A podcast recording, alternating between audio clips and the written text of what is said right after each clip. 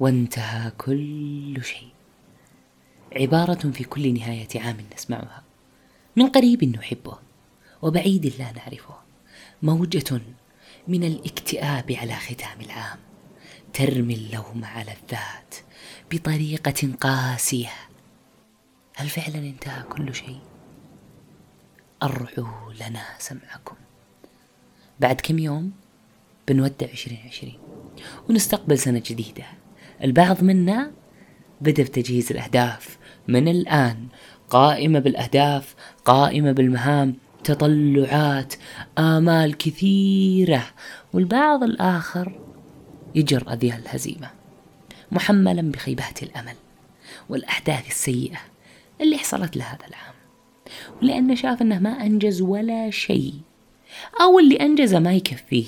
ونادم كيف فات ومر الوقت وهو ما كسب شيء. متناسي حديث النبي صلى الله عليه وسلم. يوم قال واعلم أن ما أصابك لم يكن ليخطئك وأن ما أخطأك لم يكن ليصيبك. إن أمر المؤمن كله خير. إذا أصابته سراء شكر.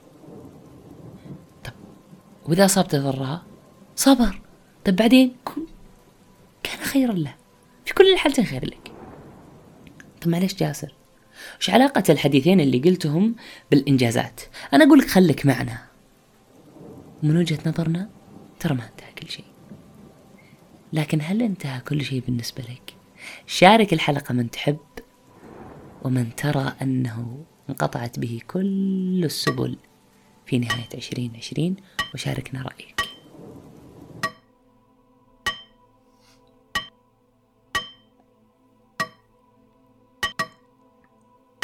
تخيل لو كنت منقطع في مكان ما.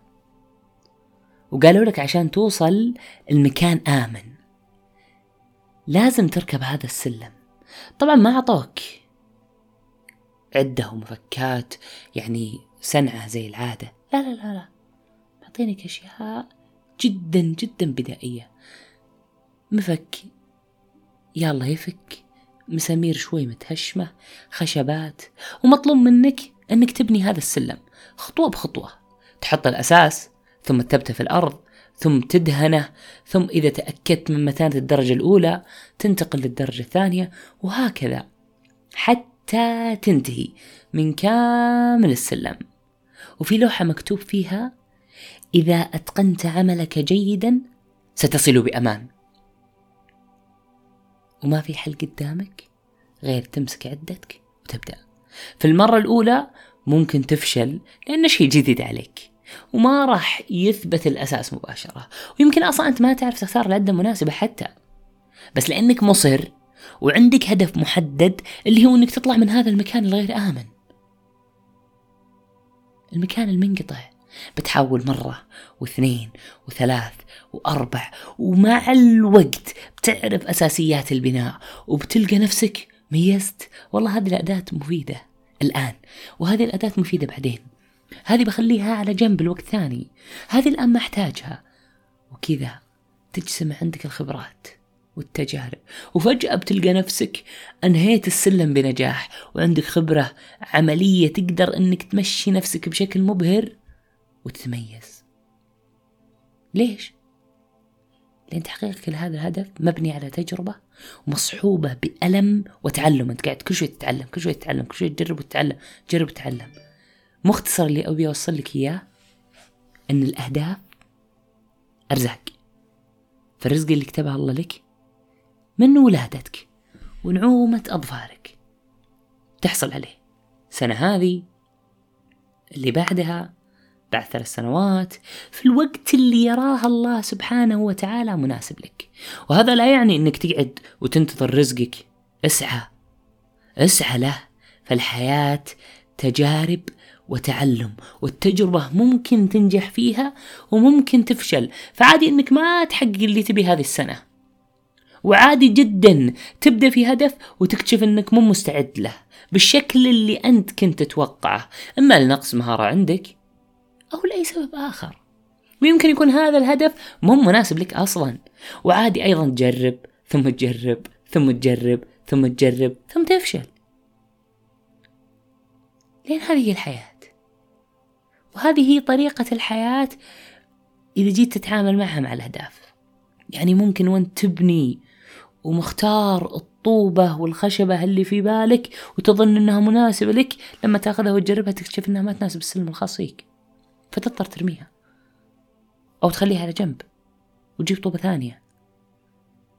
أو آه، ممكن في حياتك آه، وأنت ماشي بهدفك تكتشف إن هذا الهدف ما يتناسب مع قدراتك وقيمك ومبادئك وأفكارك وحتى انتمائك ومهاراتك. تشوف هدف ثاني يتناسب معك.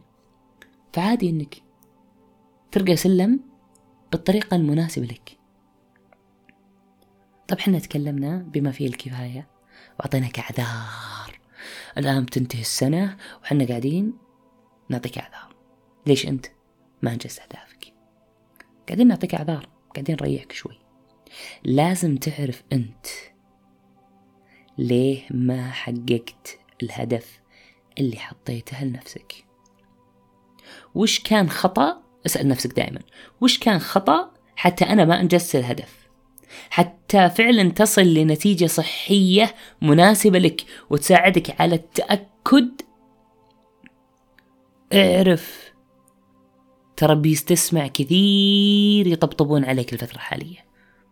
إن الحمد لله على الأقل أنت حطيت أهداف غيرك ما حط على الأقل أنت فكرت غيرك ما فكر على الأقل على الأقل على لا لا لا تسمع كلامهم جميل جدا بس لا تسمعهم.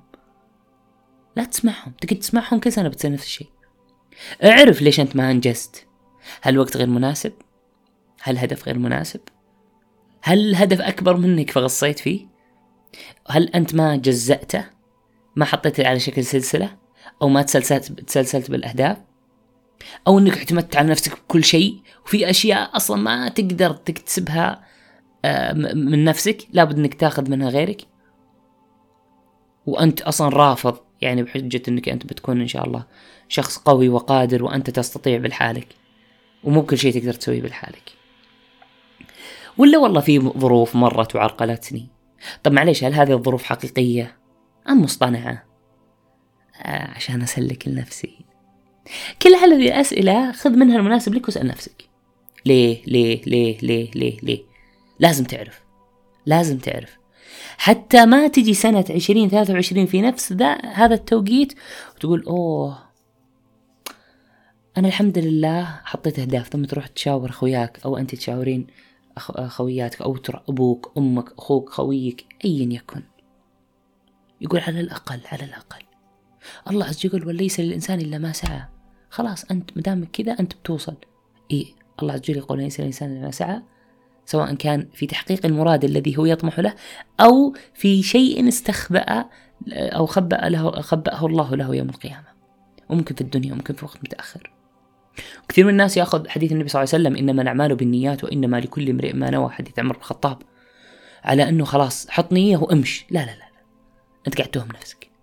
الحديث معناه إذا أنت نويت نية ثم صاحبها عمل ولم تستطيع حط أن تستطيع تسعة آلاف خط. ولم تستطيع مو ما بغيت مو ما اشتهيت مو بنمت مو بقلت أوه بعدين يمدي في وقت.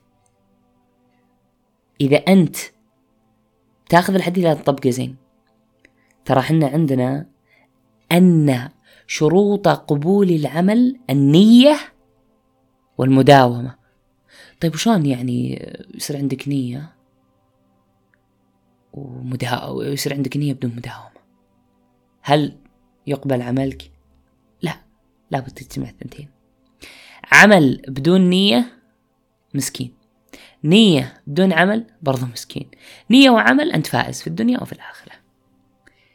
وصح بقول لك حاجة ترى الإنجازات مو بس أهداف في قائمة تبروزها في غرفتك ولا تعلم الناس فيها. في كل مرة إذا أنجزت اشطب هدف عشان تحس بشعور الإنجاز وتدفعك للأمام. مو لازم ترى تحطها على ورقة. ترى ممكن تحطها في جوال ممكن تحطها في عقلك لكن لازم تذكر نفسك إنك أنجزت هذا الشيء. طبعا أنا يعني أنا كتجربة شخصية والمحيط اللي حولي يقولون أفضل يعني حطها في مكان أنت تشوفه عشان كل ما ذا تقول الحمد لله أنا حققت هذا الشيء وإن شاء الله إني أسعى للشيء الأفضل. دافع لك. وترى أنت الآن نتاج لتجارب جديدة وخبرات اكتسبتها في هذه السنة والسنوات التي سبقتها. وقد تكون إنجازاتك علاقات صداقات رزقت بها. ومع الوقت حسيت إنهم فعلا إخوان لك. ويمكن يكونون في درجة أعلى شوي. ممكن ال ال الاكتسابات والأهداف عادات جيدة اكتسبتها صفات حميدة أضفتها ممكن عمل خير. أنت وصلت الحمد لله عمل خير. ممكن مساعدة قدمتها لصديق ممكن كلمة طيبة. قلتها أثرت في شخص ولا تنسى في النهاية أنت بشر. أنت بشر. أنت بشر عادي. عادي ما أنت بطل خارق. يعني يحصل منك خطأ يحصل منك الضعف يحصل منك الوهن. لكن المؤمن المؤمن لابد أنه يكون قوي. طب أنا كيف أكون قوي؟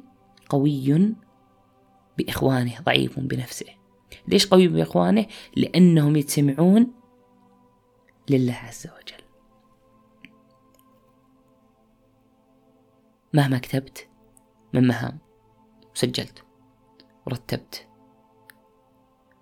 وسويت كل شيء أدرت وقتك وحرصت على كل دقيقة ثانية ما راح تاخذ من الدنيا إلا نصيبك المكتوب لو تركض مثل ركض الوحوش غير رزقك ما تحوش. تأمل سنتك جيدا.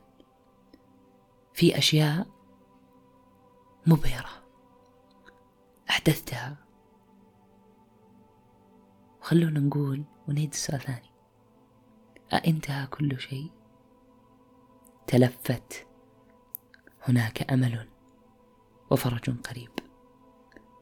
زي ما نختم في العادة نقول على حسب ما مرني ومن تجارب الأولين. وجهة نظر ويجوز فيها الاختلاف والانقسام.